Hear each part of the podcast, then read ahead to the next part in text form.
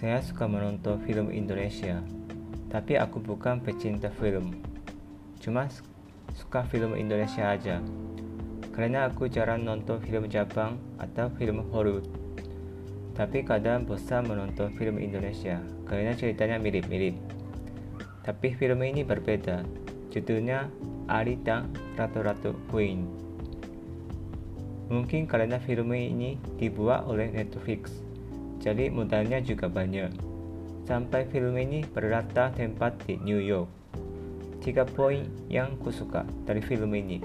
Pertama, pemain film itu bagus. Mungkin kebanyakan orang suka pemain Iqbal Ramadan. Kalau soal akting, aku tidak paham sama sekali. Tapi dia cukup bakat. Penonton memperhatikan dia terus-menerus sampai endingnya.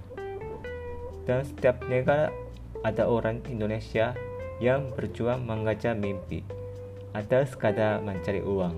Pokoknya orang Indonesia orang Indonesia yang berjuang di luar negeri itu berkesan memberi semangat kepada penonton.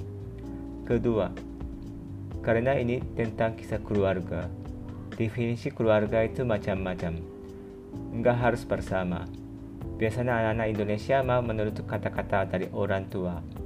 Tapi ada pertanyaan, mana yang prioritasnya lebih tinggi? Menemani keluarga atau mengejar mimpi? Sepertinya ini tidak ada jawaban yang benar. Ketiga, setelah, setelah nonton film ini, aku merasakan betapa pentingnya ada modal. Karena film ini modalnya banyak. Biasanya modal Netflix itu lebih banyak daripada film lokal Indonesia. Sampai ganti tempat syuting berkali-kali dan dalam kota New York City.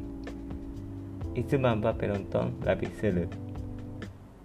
Terima kasih telah membaca artikel saya. Ini pendapat dari Mata Sipi, orang Jepang.